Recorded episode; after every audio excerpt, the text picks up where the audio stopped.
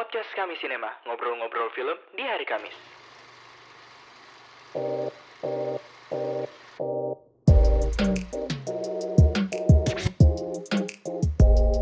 Direkodkan ini. Oke, standby ya semua. Countdown 3 2 1. Selamat pagi, selamat siang, selamat sore dan selamat malam buat kamu yang lagi dengerin podcast kami, podcast kami Sinema. Dan kali ini kita masuk dalam episode udah nonton ini. Di episode udah nonton kali ini teman-teman, seperti biasanya kita akan membahas dan akan memberikan referensi kepada kamu-kamu sekalian yang sedang mendengarkan podcast kami.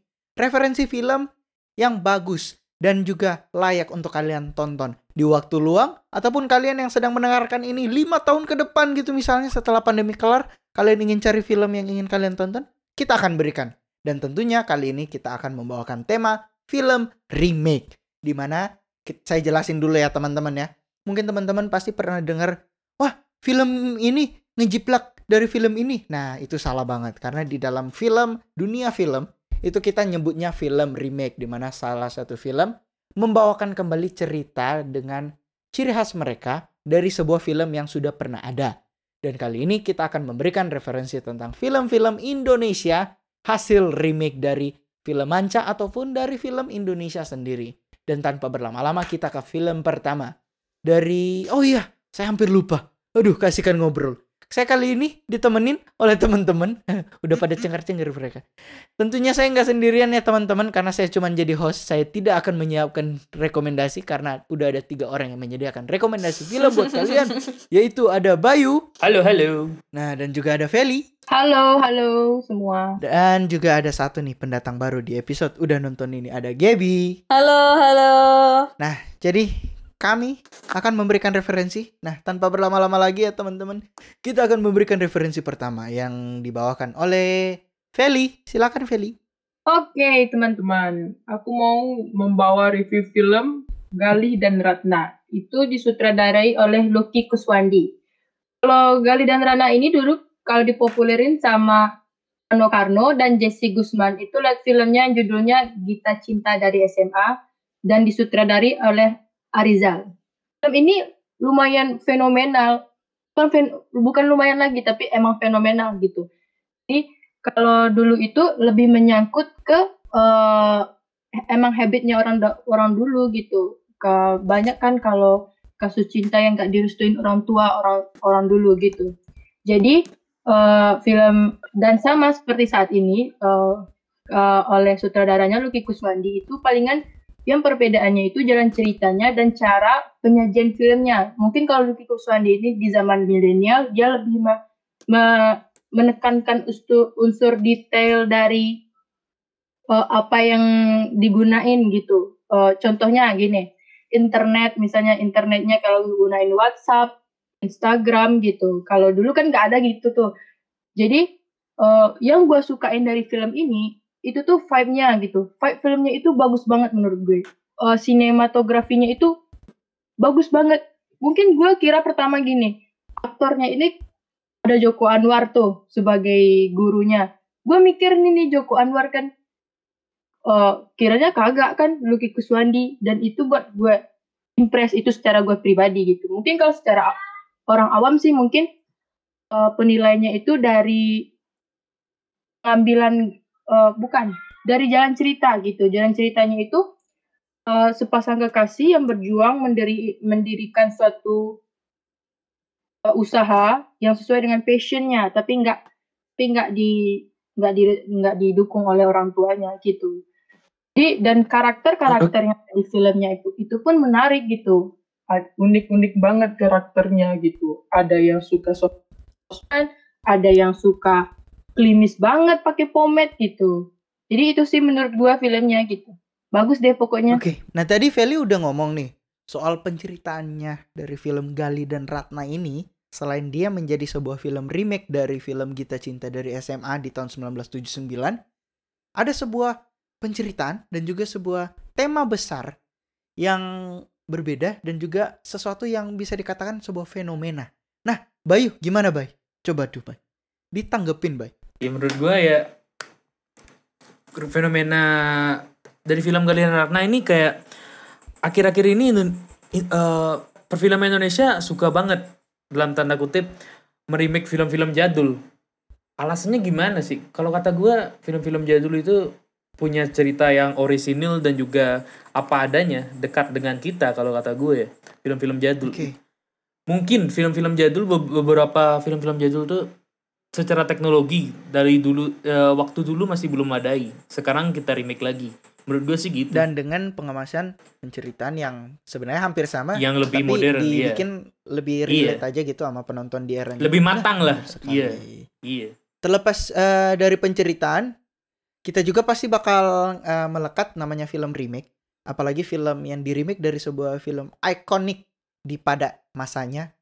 Nah, film Gali dan Ratna di tahun itu dengan judul Kita Cinta dari SMA itu punya salah satu original soundtrack yang dibawakan oleh Krisye itu eh, Gali dan Ratna. Nah, tentunya kalau kita bahas soal film remake dengan tema original soundtrack yang masih sama tetapi di dibawain lagi gitu sama kayak yang Bayu bilang lebih matang gitu. Nah, Gibi mau nanggepin gak nih Gib? Iya, eh, jadi bukan cuman filmnya aja yang dibuat lebih fresh, tapi di original soundtracknya yang udah melekat banget nih dibawain sama Krisya tuh udah udah melekat dan bagus banget. Terus di eh, di filmnya yang hasil remake itu eh, di remake lagi soundtracknya sama GAC dan itu tuh menurut aku bagus banget sih kayak eh, dari music videonya, video klipnya tuh juga bener-bener lebih fresh dan eh, sangat ikonik gitu loh sangat sama Apalagi filmnya dibawain itu. sama ini ya Gitu. GAC ya Iya. kalau nggak salah. ya. Iya, iya. Benar. benar. Iya, Dari penceritaan dan juga dari original soundtrack terlebih juga dari segi sinematik film Gali dan Ratna berhasil membawakan eh, sebuah apa ya kalau bisa dibilang sih kesuksesan yang pernah diraih di tahun 1979 dikemas lagi dan juga berhasil menarik pemikat penonton di tahun itu walaupun bisa dikatakan film ini tuh underrated karena di tahun 2017 itu kalau nggak Hmm. salah ya 2017 kan Gali dan Ratna ya. masih era-eranya fi- Iya. film apa Iya. ya tahun 2007 kayaknya di tahun 2017 tuh kalau teman-teman denger Gali dan Ratna tuh nggak bakal kayak wah 2017 film Gali dan Ratna aku ingat banget tuh waktu itu kayak cuman sepintas lewat tetapi masih belum terlambat untuk kamu-kamu untuk menonton film adaptasi dari tahun 1979 ini next kita ke film selanjutnya kita dari film masih berbahas soal cinta-cinta nih tetapi kali ini kita bahas soal film cinta yang berbaur komedi. Bayu silakan. Iya, oke oke. Selanjutnya film yang mau gue rekomendasiin adalah film Cinta Itu Buta. Film ini rilis tahun 2019, disutradarai oleh Ramania Arunita. Ramania Arunita. Ini merupakan sebuah adaptasi dari drama romance komedi Filipina yang berjudul Kita Kita. Wanjay. Ini bercerita tentang seorang tour guide asal Indonesia yang bekerja di Korea yang tiba-tiba buta bertemu dengan seorang lelaki yang gimana ya bukan berarti gue ngejudge sih artinya ya biasa-biasa aja dalam artian penampilannya artian looknya dia bagaimana dan di sini gimana ya romansnya itu agak ketutupan sama komedinya tapi kenapa harus lu harus nonton film ini ini merupakan kalau kata gue ya hiburan seger lah apalagi aktornya ini kan Dodit Mulyanto ya Mulyanto ya kalau nggak salah ya Iya. yang gimana gimana Gap? kalau nggak salah dia Ya, gimana tuh, Gap? eh, Iya. Kenapa gimana Gap? Iya, karena aku juga sebagai penggemar Waduh. stand up comedy kayak waduh, kayak ini aja apa merasa wah, ternyata Dodit ada yang waktu tahu Dodit main film tuh kayak wah, ternyata Dodit bisa main film. Terus habis itu setelah nonton filmnya kayak cocok banget emang dengan eh, orang yang pas-pasan tapi gokil itu emang Dodit dapat banget sih. Jadi pemilihan karakter Dodit tuh menurut aku di sini bener-bener cerdas banget.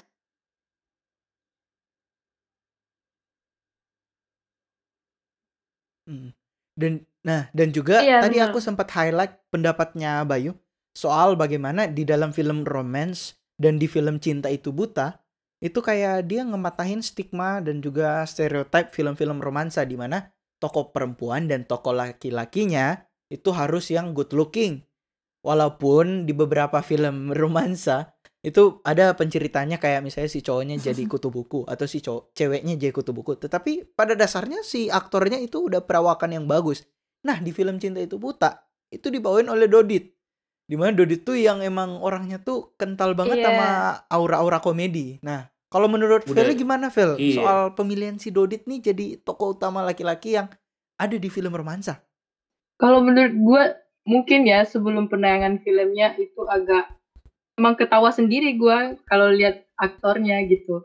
Eh, dan ternyata itu emang emang bagus banget tuh si Dodit kan. Apalagi ngakak banget gue sama filmnya gitu. Iya. itu juga. Dan ju- iya, iya. Dan juga si Dodit seimbang juga kan? Gak berarti dia komedian, dia cuman lucu Iya. doang. Tetapi dia juga bisa memberikan Iya. performa acting yang bisa Iya. menyamakan actingnya si Sandy Pas lah, pas lah. Alright, alright. Iya. Dari Yoi, dari film banget. Cinta Itu Buta kita next ke film selanjutnya ya, kawan-kawan ya. Ini ada dari Gaby. Gimana Gap?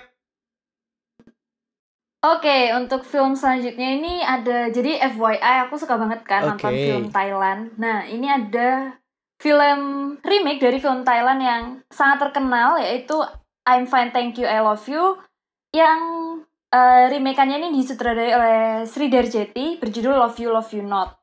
Jadi kalau menurut aku sendiri film Thailand itu emang eh, roma romansa dan komedinya tuh cukup out of the box. Jadi dengan eh produ produser dari film ini memutuskan untuk meremake film film dari Thailand itu menurut aku cukup apa ya cukup cerdas aja gitu. Nah film ini juga out of the box banget ketika dibawakan di Indonesia karena tidak hanya romansa komedi yang biasa-biasa aja tapi jujur ini ada kayak sentuhan apa ya komedi dewasanya juga yang sebenarnya menggelitik banget sih. Dan juga ini dibawakan sama Chelsea Islan dan juga eh, Hamis Daud yang apa ya yang istilahnya tuh cantik dan ganteng terus kayak cocok banget dipasangin di sini Iya. Oke. gitu Dan juga uh, ini kan masih berbahas soal film romance yang diadaptasi dari film Thailand. Nah, sebenarnya di film Iya. I Find Thank You Love You yang dari versi Thailandnya, terus dibawain lagi ke versi Indonesia Love You Love You Not, itu masih mengambil tema yang sama di mana tema tersebut bisa dikatakan lagi sekali lagi memecahkan sebuah stereotip film komedi. Eh, komedi sih, romansa. Nah, ke Romance, kebawaan dari ya. cinta itu buta. romansa Nah, jadi emang di film romance itu kita pasti meng, diha, diperadapkan dengan model penceritaan si tokoh cewek dan tokoh cowok itu datang dari misalnya ya dari remaja gitu misalnya atau misal eh, kisah percintaan dari yang orang-orang dewasa itu datang dari yang ketemu tiba-tiba atau rekan kerja dan lain-lain. Tetapi kalau di film ini kayak eh, unik aja gitu dari premis dan juga dari titik penceritaannya gitu ya. Setuju, Gimana Mbak itu? Coba tanggepin Mbak. iya Tapi tapi bu- bukan gimana ya? Tapi dari tiga rekomendasi kita di awal ngerasa nggak sih dari tadi romance, romance aja. iya Gue romance ngerasa kayak gitu gue ngerasa kayak Indonesia suka banget nih remake remake romance. Emang ya sampai sekarang masih selera pasar kita masih romance kalau kata gue ya. Selera pasar komersial kita masih romance dan ya. dan emang Setuju harus diakui cara kita ngeracik film romance juga nggak bisa dibilang nggak bagus ya buktinya Gali Ratna bisa dikatakan Iya, bagus juga iya, sih. iya. penceritaan cinta itu buta terus Iya, iya. love eh, love you Iya, iya. love you not juga walaupun emang love you love you not sempat kontradiktif ya ada yang suka ada yang enggak tetapi kalau ngelihat Iya. per- performanya Chelsea. Islan plus Hamis Daud ya kita nggak bakal ngeraguin lagi sih apalagi Hamis Daud di Trinity Nah, Traveler setuju, setuju, setuju. performa actingnya gitu walaupun enggak intinya intinya nggak cuma modal ganteng doang si doi mah Iya. iya yang bikin yang bikin apa kayak wah gitu Hamis Daud kan biasanya personanya Nah, ganteng itu. maco gitu di film ini tuh jadi Ah, kayak jadi kayak apa eh, cowok yang konyol ini kan ceritanya Ah, si iya, Hamis iya. Daud kan minta belajar bahasa Inggris kan ke si Chelsea Islan Hmm. itu dan itu tuh kayak diceritain dengan konyol banget kayak beda banget gitu loh sama Hamis Daud yang biasanya Bener sekali. Anjir, seru deh. nah kalau mengutip dengan apa yang kata, dikatakan Bayu kalau tadi romance romance dan romance tenang Bayu dan tenang para pendengar karena setelah ini akan ada referensi film yang tidak membahas romance, tetapi membahas tentang kehidupan, drama Iya, iya, iya. kehidupan yang akan dibawakan oleh Vel ini. Coba Vel, Oh, apa iya, tuh Vel? Oke, gue mau uh, review film yang berjudul Bebas. Itu biasanya dari remake film Korea, itu yang berjudulnya Sunyi tahun 2011 yang disutradarai oleh Kang Hyung Chol. Kalau film Bebas ini uh, disutradarai oleh Riri Riza tahun 2019, itu tentang perceritaan uh, perceritaan, maksudnya cerita enam sahabat gitu, enam sahabat dia itu udah terpisah selama 23 tahun dan ingin kembali lagi bersama gitu. Dan eh, kembalinya itu karena emang ada salah satu dari teman mereka yang sakit gitu. Jadi se no Wes. gua ambil mulainya di sini, emang persahabatan itu gimana pun kita terpisah kalau emang sejati bakal ngumpul lagi gitu. Tapi jangan sampai Anjay. temen- iya gitu Anjay. ke jangan sampai temen yang sakit yang buat kita ngumpul gitu Hmm. gitu sih menurut Dan gua juga filmnya dan juga dia kayak di film ini ah, mem- memberikan sebuah gambaran kalau masa muda itu emang masa yang indah banget. Dan saat kita beranjak dewasa, beranjak dewasa itu sesuatu yang bukan cuman bisa dikenang tetapi sesuatu yang bisa menjadi kayak apa ya next step kita gitu jadi masa muda tuh berpengaruh banget nah menurut Gaby gimana Gab soal film bebas ini Aku juga suka banget sih, maksudnya eh ini juga udah cukup banyak ya yang nge-review dan kayak bilang eh bagus banget karena emang ya emang bener banget bagus gitu. eh mulai dari Setuju, setuju. apa ya vibes-nya tuh kerasa banget kayak vibes persahabatannya tuh bener-bener kerasa. Soundtracknya juga sama sih kayak yang Gali dan Ratna tadi soundtracknya udah nyantol banget juga. Jadi ketika film ini muncul tuh kayak bener-bener ya berasa banget maaf maaf ya vibes kita yang teman-teman. kangen juga sama film tapi yang kayaknya kali ini saya harus apa ya seharusnya host itu nggak nggak milih nggak pilih pilihannya sendiri tapi bebas tuh emang sebagus itu aduh Iya bagus banget sih emang. Tapi gue gue pernah dengar pendapat katanya kalau enaknya nonton bebas tuh 10 tam 10 tahun setelah tamat SMA. Kalau kata Mbak Riri ya, kalau gue nggak nggak salah dengar wawancara dia dulu. Kenapa gitu? Kit- eh, film bebas nih ngajak kita ngajak kita bernostalgia terhadap penonton, masa-masa ah, ah, SMA Iya. dan dan rasanya kurang pas aja gitu kalau iya kurang pas aja nontonnya kalau baru-baru tamat SMA gitu.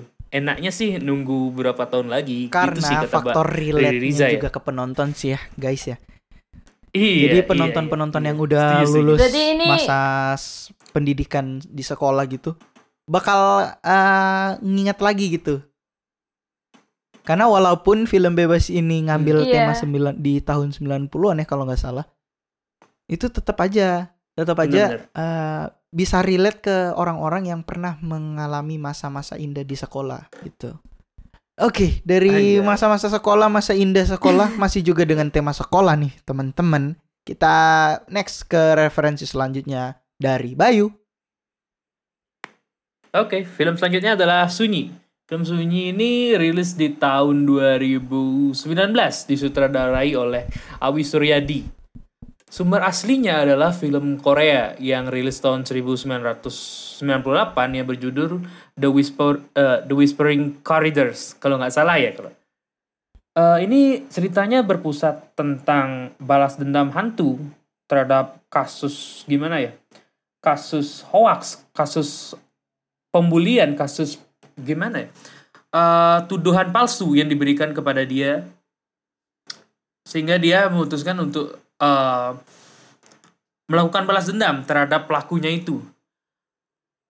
Lalu apa sih bedanya su- sunyi sama whispering? Kalau gua ngeliat whispering tuh kayak dia tuh nyeritain situasi kekerasan di sekolah oleh guru yang menyajikan realita kehidupan di Korea aslinya. Sementara di Sunyi itu mereka bikin sistem baru. Ceritanya itu bikin sistem baru kayak Oh, sedikit, sedikit gini ya, spoiler ya, dikit banget, dikit banget. Tidak. Di Sunyi, di Sunyi, sedikit, sedikit, sedikit. Ini biar seru nih, biar seru. Di Oke. Sunyi itu diceritain kayak eh, tingkat satu kalian masih jadi budak. tingkat dua kalian meningkat jadi manusia Oke, tahan. tingkat tiga tahan, kalian baru tahan, jadi senior tahan. Oke, tahan di situ. kenapa I- itu nggak nggak nggak mayor nggak mayor spoiler santai Ben santai tapi itu yang bikin seru film ini mereka kayak bikin sebuah Oke, iya senioritas. imajinasi senioritas. realita baru kalau tapi menurut kalian gimana sih menarik tapi ya. menurut kalian gimana sih bukan berarti menarik Ben bukan bu- bukan ya bukan Kan bukan gitu senioritasnya tapi iya tapi te- tema yang dibahas ini menarik kalau menurut gue Menurut Feli kalian apakah gimana? semenarik itu? menurut gue itu menarik banget ya gitu apalagi unsur misteri siapa yang nggak suka coba kebanyakan orang umumnya suka Oh, sama iya. unsur misteri gitu oh gitu iya jadi kalau menurut gue sih mungkin ya kalau kita sebagai orang awam ngambilnya kalau senioritas itu emang nggak boleh gitu Ah, jadi kalau kita ambil yang baik-baiknya aja lah gitu sebagai penonton yang cerdas gitu iya iya setuju setuju setuju. Iya. Dan juga itu kalau film Sunyi ini kan soalnya titik eh, titik utamanya tuh ngebahas soal bullying ya. Dan juga kayaknya nih temen-temen Iya. yang di masa SMA atau di masa sekolahnya pernah ngerasain bully dan ngelihat film ini, ini kan apa ya film bullying itu kan gak pernah diangkat sampai jadi film horor ya. Terus tiba-tiba jadi film horor, Eh, kayak kayak kita juga bisa ngerasain apa iya. yang dirasakan si Alex yang diperankan oleh Angga Yunanda ini. Kayak oh, Aku Yunanda. Eh, ba bahasa nggak Yunanda nih, bahasa nggak Yunanda. Ini film nih. debutannya dia ya Tapi- kayaknya. Sebelum dia terkenal Eh, di dua garis biru kalau nggak salah. Eh, duluan Oh, garis dua biru garis kayaknya. biru duluan. Tapi menurut gua Tidak tidak mencari info. Tapi menurut gua- tapi Angga Yunanda tuh kalau kata gue ya, dia tuh dapat saudara yang tepat baru bisa ngasilin acting yang luar biasa kalau kata gue. Di sini dia ngasih acting yang proper kalau kata gue di film Sunyi ini. Lawan mainnya dia siapa ya? Amanda Amanda Rawless kalau Rawless. nggak salah. Dan mereka iya iya. Mereka berdua nyajiin acting yang menurut gue bagus lah, proper lah kalau kata gue yang mendukung cerita filmnya ini. Performa Angga Yunanda juga kalau teman-teman tahu di film Dua Garis Biru dia jadi sosok yang lugu-lugu gitu. Lugu dalam tanda kutip lagi. Terus di sini dia jadi orang yang sering dibully. Itu kayak padahal Iya. kalau dilihat tampangnya si Angga tuh nggak nggak bukan orang yang sering dibully gitu. Tapi tapi beliau Waduh. bisa bisa jadi orang yang bisa dibikin jadi sebuah karakter yang dibully.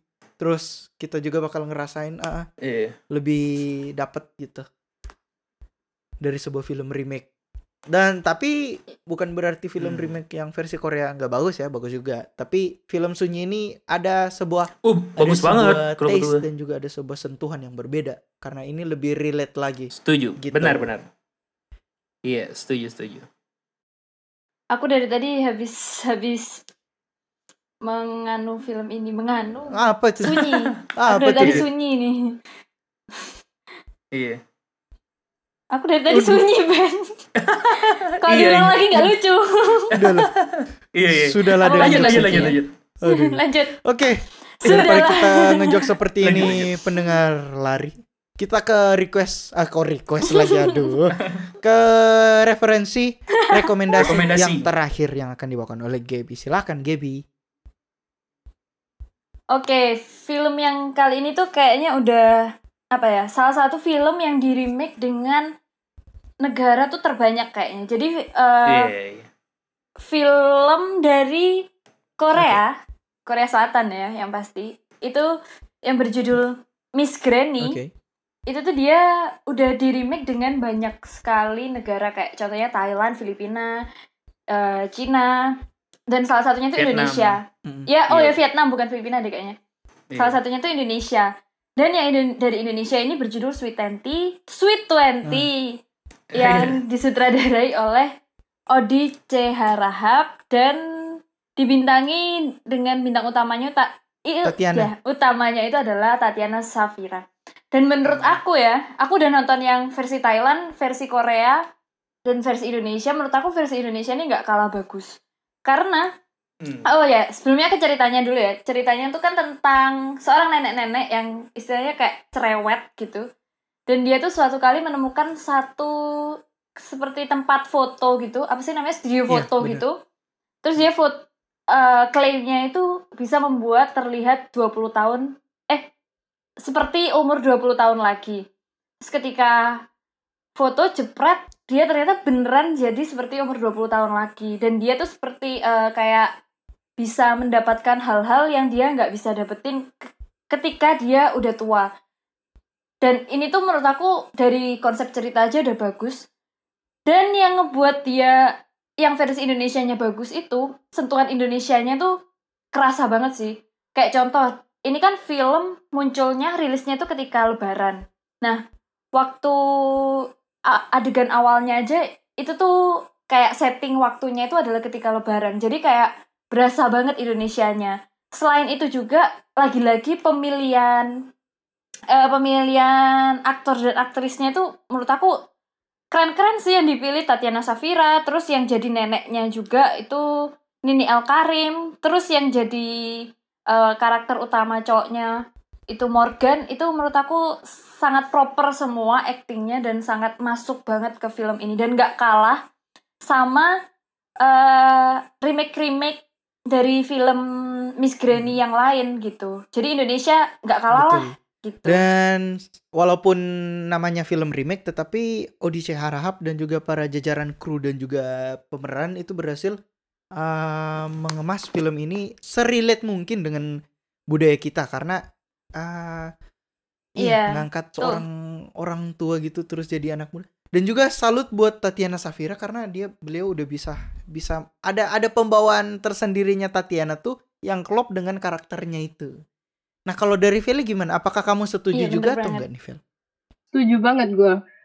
Tatiana Safira itu gini, dia itu udah cantik gitu. Dia masih muda tapi dia pembawaan nenek-neneknya gitu, karakter nenek-neneknya bisa Pembawaan muncul dewasa dari ya? Heeh. Jadi dia tuh jelas banget profesionalnya gitu. Malahan kita yang sebagai Iya, eh, kita yang sebagai penonton ya melihatnya, waduh gitu. Kok bisa ya dia meran kayak gitu gitu. Dan orang pun bener bisa bener kecil iya bener banget, ya bener gitu banget. jadi kecil umurnya padahal dia itu kan secara psikologi ya kalau kita Mhm. kecil eh, men- eh, mengecil-ngecilin yang udah tua kan udah nggak enak gitu pasti ada Iya, Iya, setuju. mengganjel gitu Ada yang Iya, kaku setuju. gitu. Apalagi apalagi si Tatiana Iya. tuh Iya, eh, meng- melakukan acting di beberapa adegan dengan eh, orang-orang yang lebih senior gitu. Nah, terlepas Iya, eh, setuju. pasti juga performa acting Tatiana bisa dipush oleh sang sutradara Odi C. Harahap. Nah, menurut kamu gimana tuh, Bay? Oh di Cerahap. Iya iya iya. Oh di Iya ya. dong. Menurut gua Odi Iya. Odi Cerahap tuh ciri khasnya tuh bisa bawain film yang temanya itu semua orang relate, banyak orang relate. Jadi sebelum ada Ernest ada Odi Cerahap Oke. kalau kata gua. Banyak-banyak filmnya dia seperti Orang Kaya Baru lah, Kawin Kontrak, Hit and Run dan lain sebagainya. Dia bisa bawainnya biar banyak orang ngerasa relate gitu kalau kata gua ya. Gitu sih, Ben. Hmm, bener bener bener. bener sih dan filmnya tuh jarang banget deh kayak eh apa kayaknya nggak ada filmnya yang bener-bener jelek gitu nggak ada deh. Bagus-bagus semua filmnya yang disutradarai dia tuh. Termasuk Minim lah. ini Sweet Emang juga beliau Iya. paling favorit dia paling film. cocok Iya. Beliau paling cocok kalau ngambil eh, apa mengarahkan film-film yang emang relate ke kehidupan sehari-hari ya. Banyak orang. Iya, banyak Kayak orang. ada taste, ada sentuhannya Iya. sendiri gitu. Kalau film ini oh pasti ini Odi Ciharap gitu filmnya. Ya dia juga berani ini, berani ngambil apa? genre yang jarang juga kayak action komedinya Hit Iya, and benar. Run itu juga dapat Iya, banget Terus juga kalau Iya, kita iya. tarik lagi ke tahun Seru sih itu, ke seru tahun sih itu. 2009 ada Punk in Love itu ngambil soal kisah anak-anak punk Wow. gitu. Dan juga dengan Iya, iya. tema Iya. film Miss Granny yang di versi Korea dan dibawakan oleh Odi Harap itu memang bener udah cocok dengan tema yang unik dan juga ketemu dengan arahan dari Odi Harap. Film ini bener-bener menjadi salah satu referensi yang bagus untuk kalian tonton. Dan juga eh kayaknya kita udah langsung masuk ke kesimpulan ya teman-teman, sayang sekali. Tetapi jangan bersedih. Karena film-film yang sudah kami sampaikan tadi bisa kalian tonton di layanan via streaming dan jangan tonton ilegal. Asik banget. Nah, teman-teman, kesimpulannya film remake itu bukan film bajakan. Ingat di garis bawahi, film remake bukan film bajakan atau film Bukan jiplak, fil- bukan film bukan plagiat. film plagiat. Iya. Kok bajakan? Iya, bajakan. Iya, Iya, bukan bener film juga. plagiat. Kenapa bajakan? ya? dikira dikira layar kaca. Iya.